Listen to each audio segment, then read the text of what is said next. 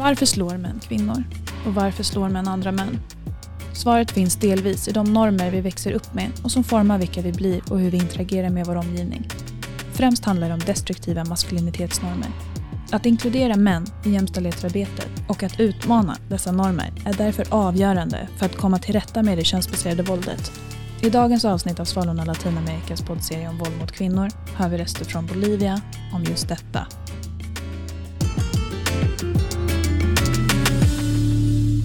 Hej och välkomna till Svalorna Latinamerikas tredje program i serien om mäns våld mot kvinnor. Idag är vi tre personer här i studion. Det är ju jag, Maja Magnusson. Och sen har vi Vilma. Hej hej igen. Och sen så har vi då Lisa med oss. Ja, Vill du säga någonting första. om dig själv? Ja, jag är också praktikant på Svalornas kansli och så jag får vara med er idag och prata lite om mäns våld mot kvinnor. Det blir Det blir kul. kul. Vi är glada att ha dig med i studion. Mm. Ja, tack. Ja. Normer och könsroller står på agendan för dagens avsnitt. Alltså vi har ju behandlat liksom lite allmänt. Förra avsnittet pratade vi om fattigdom, också det lilla, lilla temat. Ja. om hur eh, just ekonomisk egenmakt hos kvinnor är centralt och hur fattigdom och våld hänger ihop. Och idag ska vi då ge oss in i det gigantiska ämnet normer och hur normer och våld hänger ihop. Men Ja, först precis. kanske vi ska reda ut vad en norm är. Det känns rimligt. Jag, jag bollar över frågan till Lisa som Ja. har researchat lite inför det här. Lisa, vad, vad är en norm egentligen? Ehm, Men normer kan vi beskriva som oskrivna regler, förväntningar och ideal på vad som anses som positivt och önskvärt och också vad som inte är det.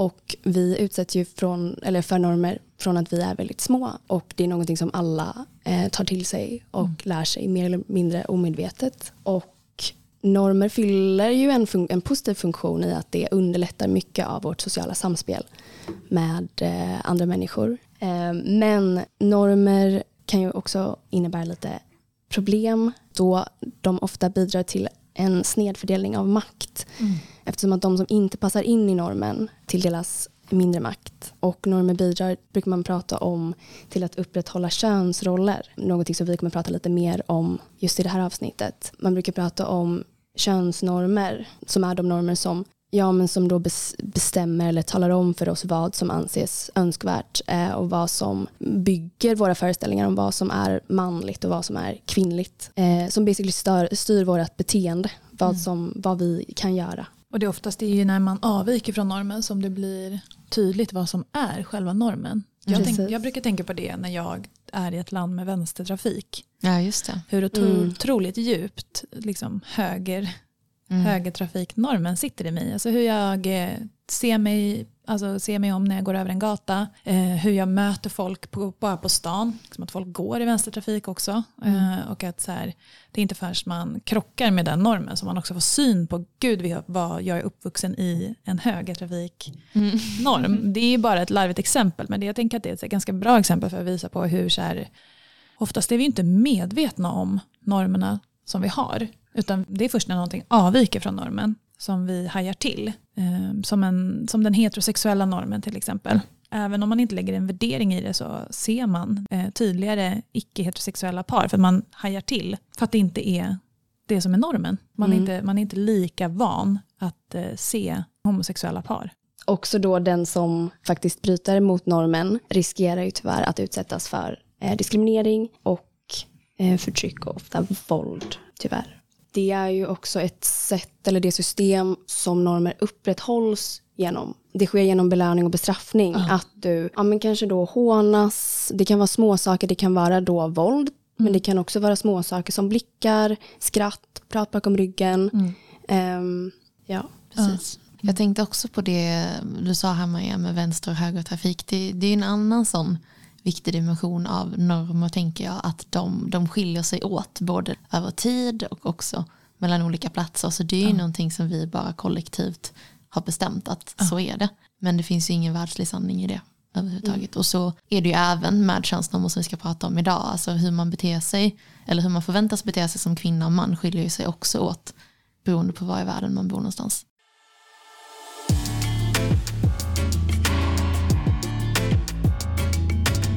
Men jag tänker att vi, vi tar och går in lite mer på normerna som våra målgrupper nere i Latinamerika upplever finns och liksom de typer av könsnormerna som är ganska tydligt kopplade till våld. Och jag tänker att vi börjar, vi börjar med att lyssna på ett inslag. Det är eh, Juan Carlos Quispe som har intervjuats av vår samarbetsorganisation Red Ada. Hola, ¿cómo están? Mi nombre es Juan Carlos Quispe, tengo 19 años. Soy de la comunidad de La Quinamaya, del municipio de San Andrés de Machac, departamento de La Paz, Bolivia. Ya, hablando del machismo, ¿no? El machismo es que lo consideran que el hombre es el sexo más fuerte que el de la mujer, ¿no? Eh, es lo que dice, ¿no? Pero esto causa lo que son eh, puntos negativos, ¿no? Donde a la mujer se la menosprecia, ¿no? Se la, la, estamos menospreciando. En otras palabras, se puede decir que eh, a la mujer lo estamos poniendo en un nivel muy bajo y al hombre a un nivel alto, cosa que no debería de ser. Ja, det där var alltså Juan Carlos Quispe som vår samarbetsorganisation Red Ada nere i Bolivia har intervjuat. Och han pratar ju om machismen i det här inslaget. Det är ju ett sånt återkommande begrepp när man pratar om könsnormer i just Latinamerika. Mm. Och så som han förklarade så grundkärnan i den grejen är ju att mannen betraktas som det starkare ja. könet helt enkelt. Och att det leder till att kvinnor systematiskt nedvärderas. Mm. Det, det är det han säger i korthet. Ja men exakt, alltså det vi försökte göra innan inslaget är väl att så här, normer är inte bara av ondo. Alltså så här, vad är Vi försökte bara så här, pinpointa att normer finns runt omkring oss och det liksom hjälper till i hur vi ska förhålla oss till varandra. Och jag menar machismo är väl att översätta som typ machokultur. Alltså det, det är precis det som du var inne på Lisa, när just normer leder till att det blir en snedfördelning av makt. Och det drabbar ju kvinnor mm. hårt. Ja men precis. Och machismen den är ju stark i, i Bolivia. Vi har ju såklart problem med könsnormer och begränsande attityder här också. Jag var inne och tittade lite på den här World Value Survey-databasen som finns. Mm. De skickar liksom ut enkäter till en viss grupp i olika länder.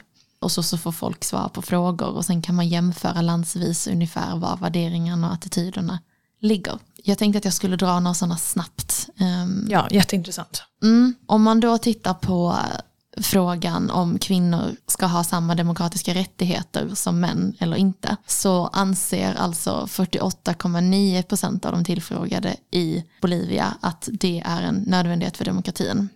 Ja, Men det är alltså. fortfarande mindre än hälften av de tillfrågade. Och jämför man då det med Sverige så var svarsfrekvensen där 86,9 procent. Mm. Så det... Alltså det är ändå sjukt. Mm. Alltså mer än hälften av männen tycker inte, alltså i Bolivia. Mm. Men också lika sjukt i Sverige. Att det mm. fortfarande finns liksom. Det finns fortfarande nästan, ja, vad blir det, 14 procent som inte tycker att kvinnor ska ha samma demokratiska rättigheter som män. Oh. Och det är en ganska basal grej, tänker jag. Ja. ja. Extremt grundläggande. Precis. Läskigt. Ja, nej men det är det. Um, och alltså samma mönster går sen igen när man tittar på frågor som huruvida män anses vara bättre politiska ledare än kvinnor eller att män har mer rätt till ett jobb än kvinnor. Mm. Där svarar omkring 20% av de tillfrågade i Bolivia att de tycker att så är det. Män ska privilegieras högre i de frågorna. Medan i Sverige så ligger det liksom på några knappa procent någonstans mellan mm. två och mm. fyra. Ja, nej, men det är liksom lite exempel. Det är svårt att mäta normer. Det går ja. ju inte. Alltså så här, det, här, det här är ett sätt att komma lite mm. närmare hur det kan se ut på plats om vi pratar rent statistiskt. Men mm. det är absolut inte lika mätbart så som det är när vi pratar om hur många människor som lever i fattigdom i olika nej. länder eller så. Men ja, eh, för att sammanfatta då helt enkelt. Machismen är väldigt starkt i Bolivia och det är en av de här normerna som leder till, till våld. Och det kommer vi prata mer om alldeles strax. Men jag tänker att vi släpper in våra intervjupersoner från Latinamerika här som har lite tankar och funderingar just var de här normerna kommer ifrån. Mm. Ehm, och hur de indoktrineras. Vi börjar lyssna på samma kille igen här, Juan Carlos Quispe som organisationen Red Ada har intervjuat.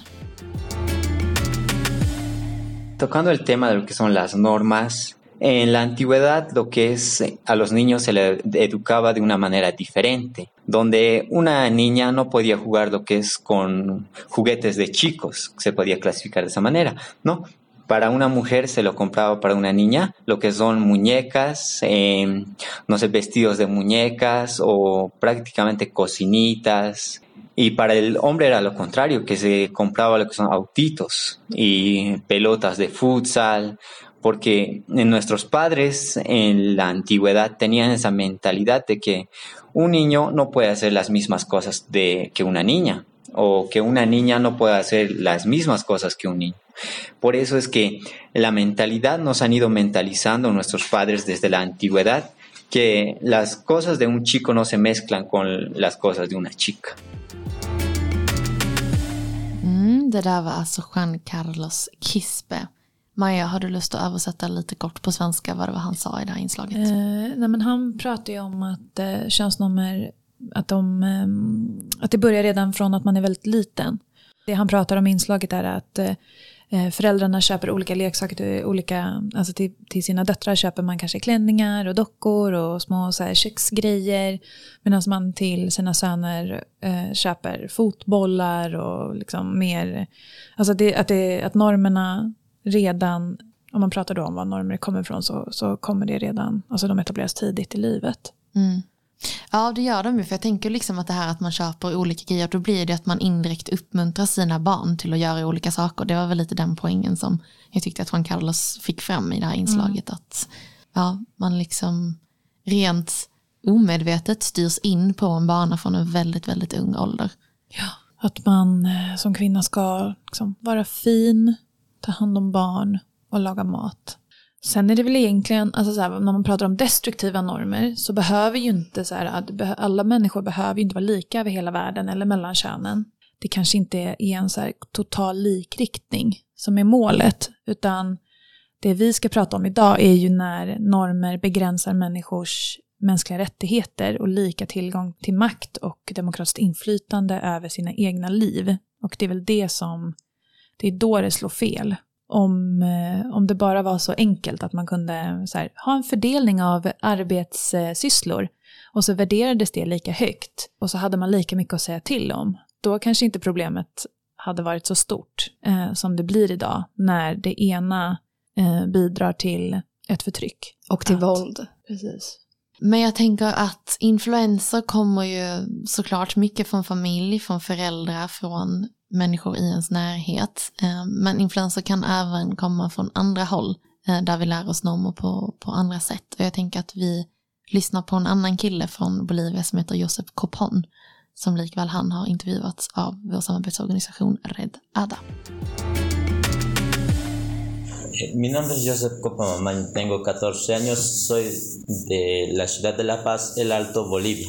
En mi formación el machismo mm, ha sido, se podría decir equilibrado. Claro, cuando era pequeño, como miraba en la televisión, muchas veces no he tenido la supervisión de mis de mi padre porque yo he yo solo, yo he crecido solo con mi padre, nunca he tenido madre pero tampoco he tenido mucha supervisión. Y mis hermanos, la televisión era algo que mucho nos adjuntaba y la televisión en los estereotipos siempre crea, crea esos de el hombre, tantas cosas. Pero creciendo he ido un poco nivelando. Tal vez antes haya tenido eso, un poco de esas conductas, no tan fuertes, pero sí emergentes. Porque siempre vas a tomar algo y como ejemplo y vas a querer repetir. Pero creciendo, creciendo y con el apoyo de, mm, de la información que he obtenido ha sido un poco nivelada y no llegaría a afektar mucho mi conducta. Ja, det där var alltså Josep Copon som pratar lite om just populärkulturens roll. Han ja. Eh, berättar ju att han har vuxit upp med en ensamstående pappa mm. och att han ja, har lämnat mycket tid liksom vid tvn och att han därigenom då har fått vissa bilder om hur en man och hur en kvinna förväntas vara som man sen vill leva upp till. Men... Mm, jag tänker att det också är så här, det är centralt att prata om det också för att det handlar inte bara om vad man får med sig hemifrån även om, precis som också han säger, att det man får med sig hemifrån är ju eh, Eh, såklart någonting grundläggande. Men sen har vi ju hela samhället utanför. Och det är speciellt viktigt när man sen pratar om så hur man kommer till rätta med problemen. För att det, det, det, hjälper inte att du på din individnivå eller din lilla familjeenhet liksom har ett annat sätt att se på saker eller försöker Det är klart att vi ska ge våra döttrar och söner samma möjligheter och inte uppfostra dem så fundamentalt olika. Men eh, jag tycker det är en viktig poäng att det, det behöver ske saker genom hela samhället. Alltså det går inte bara att se till den lilla familjenheten utan sen har du liksom ditt lokalsamhälle och liksom det större som påverkar också i stor utsträckning. Ja, och jag tänker kanske än mer idag när vi lever så himla globaliserat och uppkopplat på, på nätet. Alltså det, barn exponeras ju ännu mer för liksom film, för tv, för YouTube-klipp eller TikTok eller vad det nu må vara från en väldigt ung ålder. Så att kanske än mer idag än vad det har varit förr skulle jag säga i alla fall.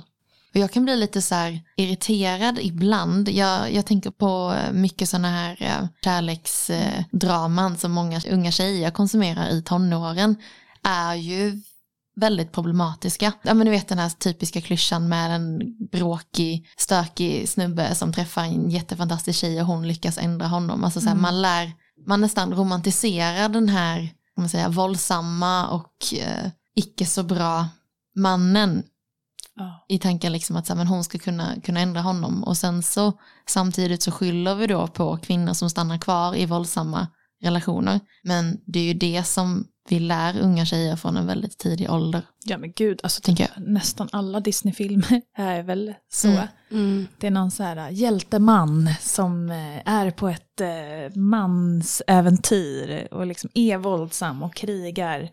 Men sen träffar han kvinnan som, som är mjuk och from och som bara räddar honom med kärlek. Ja mm. oh, gud, alltså skönheten och odjuret är helt eh, sjuk om man tänker på det. Ja. ja. Har ni tänkt på det? Ja, men han kidnappar henne och sen så blir Låser hon kär. in henne i ett rum. Mm. Och sen så bara ser hon igenom det där monstret. Och ser man den lilla mannen på insidan som bara, bara behövde kärlek och acceptans. Det här, det här är ju liksom, det vi pratar om nu är ju på ett sätt sådär extremer.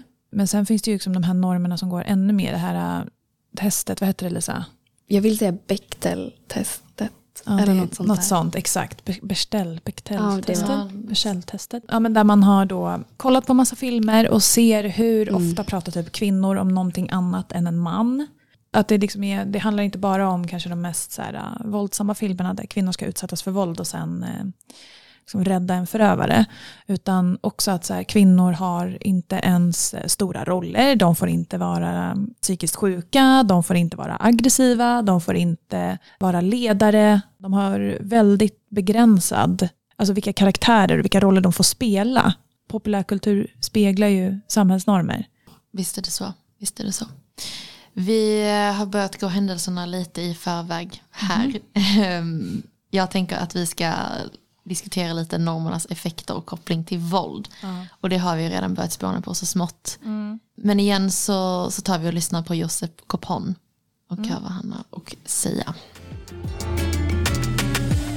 Entre la violencia de género y el machismo la relación es muy corta, se podría decir, porque tienen mucho que ver entre sí. Mm, los hombres que fueron criados con el con el idealismo del machismo, muchas veces sí, siempre están en su mente presentes sobre el caso de que si se casan con una persona, esa persona tiene que hacerse cargo de la casa y cuidar su bien. En cambio, si la mujer ha sido criada libremente, criada libremente en un ambiente donde le permitían hacer lo que le gustaba, pero el hombre que no ha sido criado así va va a tomar la autoridad machista que tiene y diciendo a la mujer, ah, que tú no puedes hacer esto y así empiezan primero de gritos, luego a golpes. El ciclo de la violencia se repetiría en ese caso. Ja, det där var alltså Josep Copon som pratar om att avståndet mellan våld och machism är inte särskilt stort. Nej. Han eh, drar som, som exempel i det här inslaget att män ofta förväntar sig att kvinnor ska ta hand om dem när mm. de gifter sig och så. Och är det så att eh, frun i huset är uppfostrad på ett annat sätt så leder det till en krock mm. och konflikter som i sin tur då kan ta sig uttryck i våld. Ja, alltså, oh, nej. Och oftast när man pratar om så destruktiva mansnormer, för det är det, det, är det vi pratar om, mm. om vi ska ringa in det ännu mer. Allt det här som vi pratade om, att kvinnor inte får spela vissa roller och så, eh, det, det betyder ju också att män måste spela vissa roller eh, och måste ta på sig vissa, vissa liksom, normer och axla dem. Det finns, ju, det finns ju saker från så här små saker som att eh, killar ska kunna tåla lite och bli lite retade och kunna reta andra.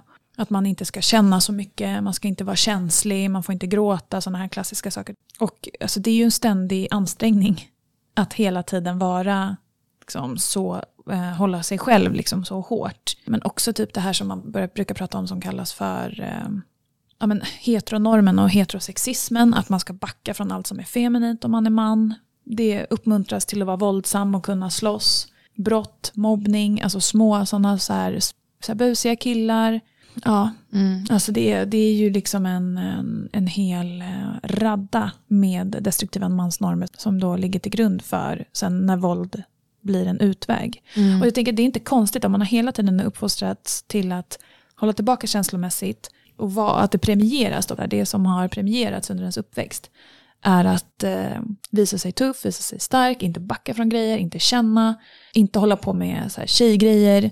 Då finns det inte så många verktyg i verktygslådan heller att här, ta, ta till. Mm. Jag tänker mycket på den här, vi har pratat om den i avsnitt ett redan, men den här våldspyramiden. Alltså det är inte så att män vaknar upp en dag och bestämmer sig för att slå Nej. en kvinna, utan det är precis som du säger Maja, det börjar liksom i tidig ålder, det är Mm. småtätas, det hålls på och sen så byggs liksom våldet Ja. uppåt. Ja, normer är väl eh, den stora basen va, i pyramiden, är det inte så? Ja, det, ja precis. Ja. Begränsade normer står här till och med som Ja. titel. Jag har en liten, liten fuskbild på pyramiderna precis bredvid mig. Kan du inte dra hela pyramiden igen för de som Ja. inte har hört tidigare avsnitt så att det inte blir så ologiskt? Så Vad det inte blir den? så exkluderande. Ja, precis. Eh, våldspyramiden är alltså en pyramid i fyra steg där man vill visa på hur eh, små mikrovåldsamma beteenden eller attityder så småningom leder eller kan leda till ska vi säga, fysiskt eller psykiskt våld. Så att längst ner i den här trappan så har vi då begränsade normer. Och det är lite som vi har pratat om, det handlar om ojämlikhet, det handlar om könsnormer, det handlar om machismo och machokulturen som vi pratar om i det här avsnittet. Eh, heteronormen, eh, funktionsnormen, vithetsnormen, det finns hur många normer som helst. Och de här normerna då leder sen till steg två i pyramiden som kallas för normalisering. Eh, Helt plötsligt så är det inte konstigt att skämta om homosexuella personer eller göra sig lustig på bekostnad av en svart person eller rasifierad person i övrigt. Eh, Eller det bara det här som jag sa, alltså retas och mobbas och Ja, vara precis. tuff, typ, Skojbråk gråta. och, ja, precis. Film och musik hamnar också på det här steget. Porr, språk, Mm. bemötande. Och det sen, och nu börjar vi liksom prata om det som vi kanske mer tydligt kan se på våld. Om, om man är bekväm med att skämta på det här viset så blir det lätt att så här, då faller vi över kanten till att man kanske kränker någon, man trakasserar någon, vi diskriminerar folk på basis av det här på en strukturell och samhällelig nivå. Um, och det är det som sen ytterst leder till att folk faktiskt mördas och våldtas på grund av de här olika maktordningarna. Eh, Och könsmaktsordningen är ju en av dem. Mm. Precis, och det fysiska våldet är egentligen bara toppen av det här, Toppen av ett isberg. toppen av pyramiden. Ja, eller av en Ja. pyramid. Ja. Mm. Precis. Och jag var inne och läste lite på organisationen Mäns hemsida som jobbar väldigt mycket just med maskulinitetsnormer. Så det kan jag rekommendera alla som lyssnar att gå in och kika om man är mer nyfiken på det. Eh, Men de i alla fall hade hänvisat till en studie som hade kommit fram till att killar som är negativa till jämställdhet och har väldigt stereotypa föreställningar om könsroller löper alltså hela 4,4 gånger så stor risk att begå våldsamma handlingar. Så att Ja. det, jag tycker verkligen att det sätter liksom det här i ljuset hur himla viktigt det är att jobba med, med verkligen. normerna. Verkligen. Att det har en sån direkt koppling ändå. Mm. Och som du sa här i introt Maja så är det ju så att machismen och könsnormer är inte någonting som bara leder till eh, skada och lidande för kvinnor om de är destruktiva. Vill jag lägga till där också. Men det är även någonting som, som begränsar män. Josep Copron igen eh, har någonting väldigt vist och klokt att säga om det här. Denna lilla 14-åring som pratar så snabbt. Alltså. ja. Ja, till alla er som inte kan spanska så eh, var det svårt även för eh, mig. Av mig. Mm. Att sitta och översätta. Vi tar och lyssnar på Josep helt enkelt. La convicción social en la que vivimos podría decir que, digamos, a mí me gustan muchas cosas que, digamos, estoy apasionado por algunas cosas que les gustan a las mujeres, pero la sociedad no lo ve bien. En todo caso, me tachan de alguien que, ay, que esa persona debe ser, eh, le gusta el otro género, se puede decir así. Y sí afecta negativamente. En mi crecimiento actualmente soy un adolescente y sí me afecta. Ja, snabbt gick det undan där alltså när Josep Copon berättar om hur han känner att de här maskulinitetsnormerna även begränsar honom i sitt mm. liv. Han berättar inslaget att han, han gillar mycket saker som stereotypt anses vara tjejigt och eh, ja, blir retad för det. Mm. Folk säger liksom att ja men är du homosexuell mm. eller vad? Men då är det, det är ju för att machonormen är det mest önskvärda. Alltså att vara man är den finaste normen då. Mm. Eh, och eh, då kan också män som eh, liksom byter ner sig till en eh, kvinnlig norm vara värre utsatta än en kvinna som byter upp sig då till en manlig norm.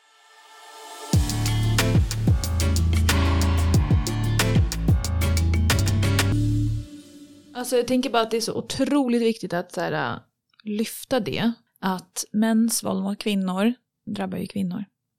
Men mäns våld mot män är ju egentligen ännu större. Alltså män eh, drabbas ju mer av våld generellt i världen än vad kvinnor gör. Och det är ju därför som så, här, men, så otroligt viktigt att få med sig männen i den kampen. Att så här, det här är någonting som kommer gynna oss alla när vi ökar jämställdheten. Som mm. minskar även destruktiva konsekvenser av patriarkatet för männen. Liksom. Nej, men jag tror inte att vi har kunnat uttrycka oss tydligare i det här avsnittet att machism leder till våld. Så här tänker jag, vi aviserade i början av detta avsnittet att vi skulle ha lite mer fokus på Bolivia. Ja. Eh, vi har inte pratat så mycket om Bolivia förutom det faktum att våra intervjupersoner kommer därifrån. Mm. Eh, men om vi nu har sagt att machism leder till våld och att det finns mycket machism i Bolivia mm. så tänker jag att de som lyssnar kanske då vill ha en liten översiktlig, översiktlig bild mm. över hur våldssituationen faktiskt ser ut i Bolivia. Och jag tänkte lämna över ordet till Lisa som har kollat lite på det. Ja, vi har tagit fram lite statistik. Då ser det ut så att Bolivia är det tredje, är tredje rankad i Latinamerika som land med mest femicides. Var tredje dag eh, mördas en kvinna. Tre fjärdedelar av alla kvinnor har blivit utsatta för sexuella övergrepp. Två av tio kvinnor har sexuella relationer mot sin vilja mm. till följd av våld. Tre av tio kvinnor har sexuella relationer med sin partner mot sin vilja på grund av Obligation. Ja, tack för spanska inflikningen.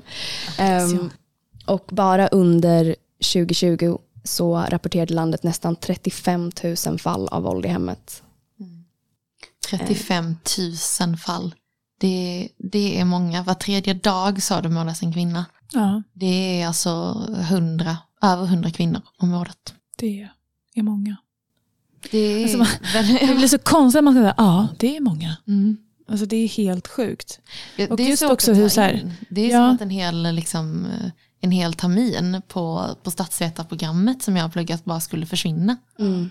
Jag tänker att så här, utöver att det är fruktansvärt tragiskt att så många kvinnor mördas så är det ju inte bara den kvinna som mördas som drabbas av våldet och det dödliga våldet. Ofta finns det ju även barn, anhöriga. Våldet drabbar ju hela familjer och slår sönder familjestrukturer, orsakar fattigdom och det här vi har pratat om att fattigdom i sin tur också leder till ett ökat våld eller risken att utsättas för våld. Det finns flera fall i Latinamerika där om en förälder försvinner så får kanske tjejerna få hoppa av skolan.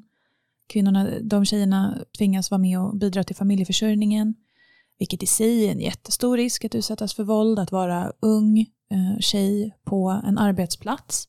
Utöver då att kvinnor drabbas alltså, av våld i hemmen och att det är där den stora liksom, stora delen av våld mot kvinnor utövas så finns det ju också en annan stor risk och det är ju kring prostitution, eh, sexuella övergrepp på arbetsplatser. Um, så att det blir ju, det, det föder bara mer våld. Och, eh, eller det, det, ja, det föder mer våld och risk, risken att utsättas för våld ökar otroligt mycket om man eh, blir av med en förälder Framför allt om man har blivit av med en förälder i en sån våldshandling eller liksom att ens mamma blivit mördad. För att antagligen då så är den personen en nära anhörig även till dig då som dotter um, och har antagligen även utsatt dig för våld tidigare och du uh, sticker. Och då är du ju otroligt utsatt och i en utsatt situation. Ja, och jag tänker också i hem, om vi nu återgår till vad killarna från Bolivia här sa innan om att uppfostran spelar en väldigt stor roll. Jag tänker också på alla de unga killar som växer upp i våldsamma familjer där man ser att pappa slår mamma och där det är någonting som normaliseras och att det kan leda liksom till att de pojkarna sen i sin tur utsätter sina framtida partners för våld. Ja, så det sociala arvet får rätt igen. Alltså det är ju ofta det är så. Även fast man själv eh, inte tyckte om att få stryk när man var liten. Så har man fått stryk när man var liten så slår man sina egna barn. Alltså det är mycket vanligare. Alltså det är, det är en sån spiral, ond spiral. Men eh, sen finns det ju också så här, och det har ju funnits i Sverige också, det finns fortfarande kvar, att man, eh, mm. alltså att mm. våld är en familjeangelägenhet. Och det finns ju ingen som är så lojal som eh, ens barn. Eh, skulle aldrig anmäla eller liksom eh, sätta sina föräldrar i skiten. Och det, det är också en sån perspektiv just när man också han pratar om så normer kring hur man, hur man råder bot på det. För det finns ju också sådär att man inte anmäler våld. Både att man inte, man kan inte anmäla någon i sin familj. Det är liksom att, eh, och också, det här är också en sån norm som har massa fina saker med sig. För massa fina saker med sig. Men att den, den här familjenormen och synen på liksom familjen i Latinamerika skiljer sig också en del från hur vi ser på familjen och familjenheten i eh, Sverige och väst kanske. Att familjen är väldigt viktig, man gör saker så kollektivt. Om jag gör någonting dåligt så drabbar det min familj, det handlar inte bara om mig själv, jag är en del av en enhet och så vidare. och så vidare.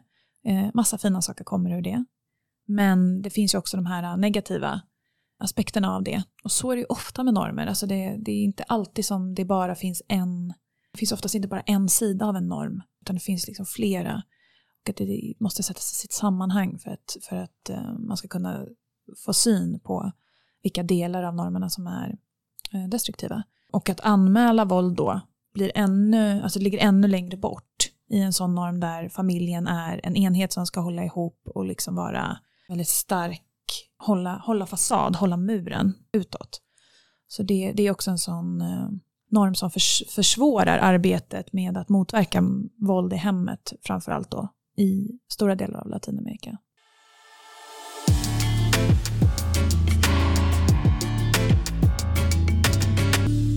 Och att jobba med normer är ju någonting som våra samarbetsorganisationer gör väldigt mycket på plats, särskilt i Bolivia, även i Peru och Nicaragua och Guatemala som vi också verkar i, men, men särskilt i Bolivia. Och där jobbar vi även med normer eh, utifrån kultur som folkbildande metod. Um, det tänker jag är någonting som är lite spännande och som fler skulle vilja veta mer om. Så jag bollar över bollen till er, Maja-Lisa. Vill ni berätta lite om vad Svalorna gör på plats i Latinamerika? Ja, Svalorna samarbetar främst med organisationer som du sa som jobbar med kultur som folkbildande metod. Och det betyder att de, de använder teater, konst, poesi på flera olika sätt i eh, till exempel typ i ehm, kreativa workshoppar tillsammans med ungdomar. Och vi tror att eh, det är väldigt viktigt att arbeta med mänskliga rättigheter på flera olika sätt. Vi är alla olika och alla tar åt sig av information på olika sätt och vi har valt att fokusera eh, och lägga ännu mer fokus på just kultur som folkbildande metod.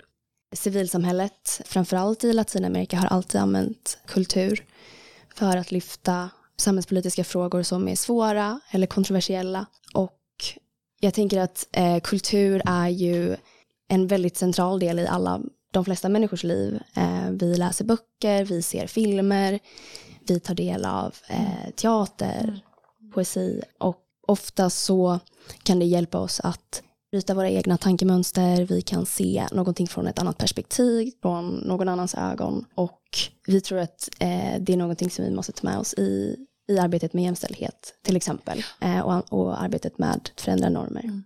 Ja precis, alltså det som våra samarbetsorganisationer har jobbat mycket med och där de har sett att alltså arbetet med normer förändras när man använder kultur är att det inte är, det behöver inte utgå från, alltså precis det du säger Lisa, att kultur har en förmåga att sätta sig på ett annat ställe i kroppen. Alltså om du jämför med att läsa en rapport eller titta på en graf eller så. Bara den här siffran, man bara får en siffra. 100 kvinnor mördas i Bolivia varje år. Det var ju tråkigt. Det var, ju svårt att föreställa sig, var, tyckte även vi när vi diskuterade. Ja, men alltså att det, det blir bara så... Um, ja, men det är svårt att relatera till och svårt att förhålla sig till. Men så räcker det med att man ser en film om ett människoöde och eh, det bara går rätt in och man bara gråter. Nej, men det är, det är liksom ett annat sätt att öppna upp också för samtalen kring igenkänning av våld och så vidare. Och det som våra partner gör är just att de samlar barn och ungdomar utbildar dem kring frågor som har med normer att göra, som har med jämställdhet att göra, som har med sexuella och reproduktiva rättigheter att göra. Får, får igång samtalet, ungdomarna ska sedan presentera det de har lärt sig i form av en teater eller att de har en muraltävling där de ska måla olika eh, väggar. Ja, den muraltävlingen som Redada anordnade under internationella kvinnodagen där elever fick vara med och tävla. Eh, jag tycker att det är ett bra exempel eftersom att de som vann tävlingen fick sedan uppföra en muralmålning på skolans fasad. Mm. Och det är ett jättebra exempel som visar hur, hur konst kan användas för att, att liksom visa och synliggöra och utmana normer. För sen så, det var ju någonting som Red Ada lyfte själva kring den här tävlingen, att den här muralmålningen gjorde att eh, de här frågorna som vi behöver prata om hela tiden, alltså kvinnors rättigheter och rätten till ett liv fritt från våld, det är någonting som vi måste prata om varje dag och inte bara en dag om året. Mm. Um, och ja, då blir man konstant påmind om det är liksom en, Precis. en, en målning som man går förbi varje dag. Det är klart. Och just kopplingen, liksom att det här med att synliggöra, alltså att, att, ehm, att arbeta med att förändra normer, där är just synliggörandet en väldigt, väldigt grundläggande och viktig del av det. Ehm. Ja, och där typ konst, populärkultur och lite det som vi har hört också från eh, liksom, intervjuerna idag, att det, det påverkar. Vad du ser och hör runt omkring dig påverkar hur du, hur du också blir. Eh, så det går ju åt båda hållen där, både att eh, populärkultur, tv, konst, musik, så tänker på hela typ så här reggaetongenren, alltså det, allt, allt kring liksom, ja, men hur, mycket, hur mycket populärkultur har en inverkan på hur mansnormer och eh, könsnormer ser ut, men också att det går åt andra hållet, att man genom då kultur och konstformer också kan ifrågasätta och just som, just som den här muralmålningen då att man kan lyfta fram ett budskap kring eh, kvinnors rättigheter som, eh, som får bli bestående, som man tittar på och ser varje dag, att, att eh, det mm, spelar roll. Alltså det som våra samarbetspartner använder till, det är så här, ett, det är lättare att få ungdomar och föräldrar att komma och liksom hålla på med teater, titta på när sina barn har en teaterföreställning, än att dra folk till något så här panelsamtal med experter kring en viss fråga. Det är ett, så det är en låg tröskel att börja arbeta med frågorna. Två, det är ett sätt att öppna upp samtalet kring frågor som är svåra att öppna upp kring, som kanske anses kontroversiella i samhället. Men om man ser en teater då till exempel med en familj där det finns en våldsam pappa till exempel och sen bjuder man in till att så här, har någon av er varit med om det här? Eh, känner ni igen er i den här mansrollen? På vilket sätt tror ni att man hade kunnat agera tidigare för att stoppa våldet? Och så vidare. Att det, även, det öppnar också upp de här svåra kontroversiella frågorna i samhället. Och tre, eh, det där som jag var inne på med att föräldrarna kommer och tittar. Alltså det sprids ju också. En muralmålning som finns kvar på en vägg eller en teater som flera hundra personer har varit och sett är också ett bra sätt att sprida och manifestera kultur.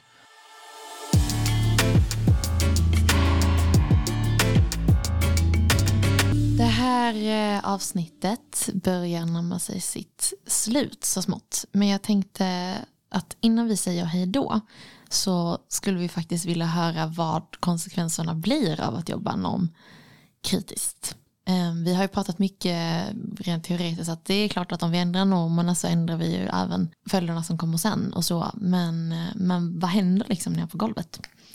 Jag tänker att vi tar och lyssnar på Richard Wava som vår samarbetsorganisation har intervjuat om det här. Pero cuando ya ahora los jóvenes mmm, están con trabajando en lugares como programa JJ o otras instituciones donde trabajan y se meten con la temática de la igualdad, de equidad de género, pues ahí empieza lo que es hacer la diferencia, ¿no? Es la razón para cambiar, cambiar la, la zona, sociedad, el barrio. Y sería bueno disminuir lo que es el machismo, más que todo. Por ejemplo, antes en mi familia, mi papá era un poco eh, machismo, no de todo. Por ejemplo, ya que por el hecho de que traía a la casa dinero, él tenía que estar cuando llegue, ¿no? Echado en la cama y pues no hacer los deberes de, de la cocina o lavar platos, las ollas. Él decía, por ejemplo, que las mujeres es las que deben hacer todo, todas esas cosas, ¿no? Que los varones solo eh, se enfocan en lo que es traer dinero a la casa y todo eso, ¿no? Pero ahora es eh, diferente, ya empezó a cambiar. Eh, mi papá le ayuda a lo que es a, a, lavar ropa, a lavar los servicios a mi mamá, ¿no? Y, ahí ya está empezando a cambiar, a ser ya muy diferente, ¿no? por el hecho de que hay influencias, hay muchas influencias de que, de que la desigualdad no es bueno, no es mejor ser alguien que ayude a los demás, que no se crea superior a los demás, eh, tanto varones y mujeres, no equidad de género. Ja, det där var alltså Richard Hueva som har intervjuats av vår samarbetsorganisation Chaski. Mm. Och han berättar en liten solskenshistoria i det här inslaget får man ändå säga. Mm. Han tar upp sin pappa som ett exempel att tidigare när han var yngre så brukade han inte alls hjälpa till i hemmet. Han sa liksom att hushållsarbete det är för kvinnor. Um, när jag kommer hem från jobbet då ska jag ligga på sängen och ja, precis. bli servad. Precis. Men tack vare då andra influenser, bland annat då från projekten som vi har på plats, men även från andra institutioner nämner han, så har liksom pappans tankesätt börjat ändras lite och han, mm. han hjälper till allt mer i hemmet helt enkelt. Mm. Uh, och det låter som att det har vuxit fram en slags ny maskulinitet där det nya coola inne blir att man faktiskt ska hjälpa till. Mm. Och att man inser att uh, ojämställdhet det är inte bra, det gynnar inte någon. Nej. Jag tycker det är bra. Alltså att man kan faktiskt lära gamla hundar sitta också. Ja. Alltså det, är inte bara, det är klart att det är jätteviktigt. Alltså det vi har varit inne på är att normer etableras tidigt i livet och eh, de normer vi blir tilldelade när vi är unga är också de som sitter djupast i oss sen. Eh, som är också svåra att ändra på. Men det går ju att förändra beteenden och tankemönster även, alltså hela livet.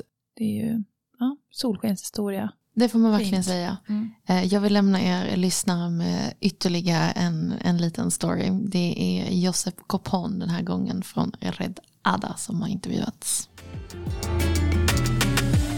Mm, actualmente los jóvenes sobre el con conocer acerca del machismo, eh, yo diría que es mejor que antes. Porque en mi curso, según a los talleres que hemos tenido sobre el, el conocer sobre estos temas, eh, estaría equilibrado el tema, porque muchos participamos y conocemos, eh, incluso fuera de los talleres dialogamos sobre esas acciones. Y a los demás participantes del curso también tratamos de apoyar, aunque ellos ya también independientemente tienen conocimientos y nosotros tratamos de nivelarlo. Hay incluso compañeros que tienen amigos de otros grados, de otros lugares y también tratan de compartir porque siempre hay la conversación de dos jóvenes que, ay, mira esa chica, pero esa chica siempre anda con otros y que, ay, esa chica es una tal. Pero tratamos de poner un alto diciendo que esas conductas están fuera de lo habitual, no podríamos ir criticando a la gente así nada más y se podría decir que sí.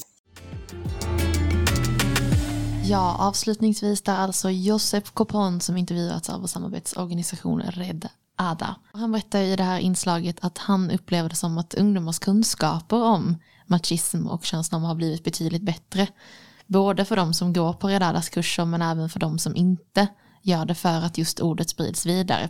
Och att han och hans kompisar på ett annat sätt idag försöker bryta in i samtal om, Mm. om kvinnor som, eh, ja, där man pratar om kvinnor på ett ganska nedvärderande sätt. Vad det Och alltså det finns ju typ ingenting som är så modigt som att typ säga till en bror. Mm. Alltså det är ju ett, alltså det krävs ett otroligt mod. Håller med. Håller med. Och jag tänker att båda de här inslagen illustrerar också på ett väldigt tydligt sätt just varför det är så himla viktigt att integrera män i jämställdhetsarbetet också. Alltså vår, vi jobbar ju primärt med liksom kvinnor och unga. Ja, unga inkluderar ju såklart både killar och tjejer. Men att så här, det, vi behöver både kvinnor och män för att skapa en förändring. Det är både kvinnor och män som upprätthåller de här normerna. Och att det, ja, jag tycker som sagt, inslagen visar väldigt tydligt att det är viktigt att även inkludera pojkar i det här arbetet. Och gamla män som vi hörde, som lärde sig och tvätta och diska precis sist. Ja, Ja, nej, men vi har väl redan varit inne på det, liksom, hur viktigt det är att eh, männen är med i jämställdhetsarbetet och får med, oss, får med oss männen i det. Och att jämställdhet gynnar alla och att patriarkatet drabbar alla. Och att eh, normer föder våld mot kvinnor, absolut, men också våld mot andra män. Och att det, det just när man ska koppla ihop, för det vi ska försökt prata om idag är ju hur normer leder till våld och främst då våld mot kvinnor. Och det är inte konstigt då om man som man alltså, utsätts för våld. Allt från liksom, att man visar eh, samhörighet genom våld, som eh, unga killar ofta gör. Det är skojbråk och brottning och sådana här eh, punches på axeln och, och så. Till då ja, men, eh, rena regelrätta slagsmål. Och när man är arg ska man slå, annars är man en jävla tönt. Och då när man blir då kränkt eller eh, tappar kontrollen i sitt hem då, eller i relation till sin partner så är det de verktygen man har. Så jag tänker att så här, det är super, super viktigt att jobba med männen.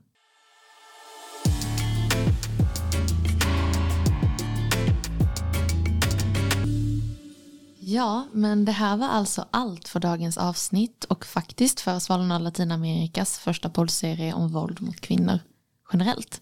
Vi kommer ju säkert att släppa fler serier och eh, fler avsnitt om liknande teman, men för nu så är det alltså slut. Ja, jag tänker att så här, de här avsnitten har ju var, verkligen varit i sådana stora, stora mm, det finns ju så mycket mer att prata om och gå ner in i djupet på olika saker. Om ni, alltså ni som lyssnar vill höra någon, eller ja, hör av er vad ni tyckte, eller vad ni vill att vi ska fördjupa oss ytterligare i, eller vad ni är intresserade av att veta mer av och så.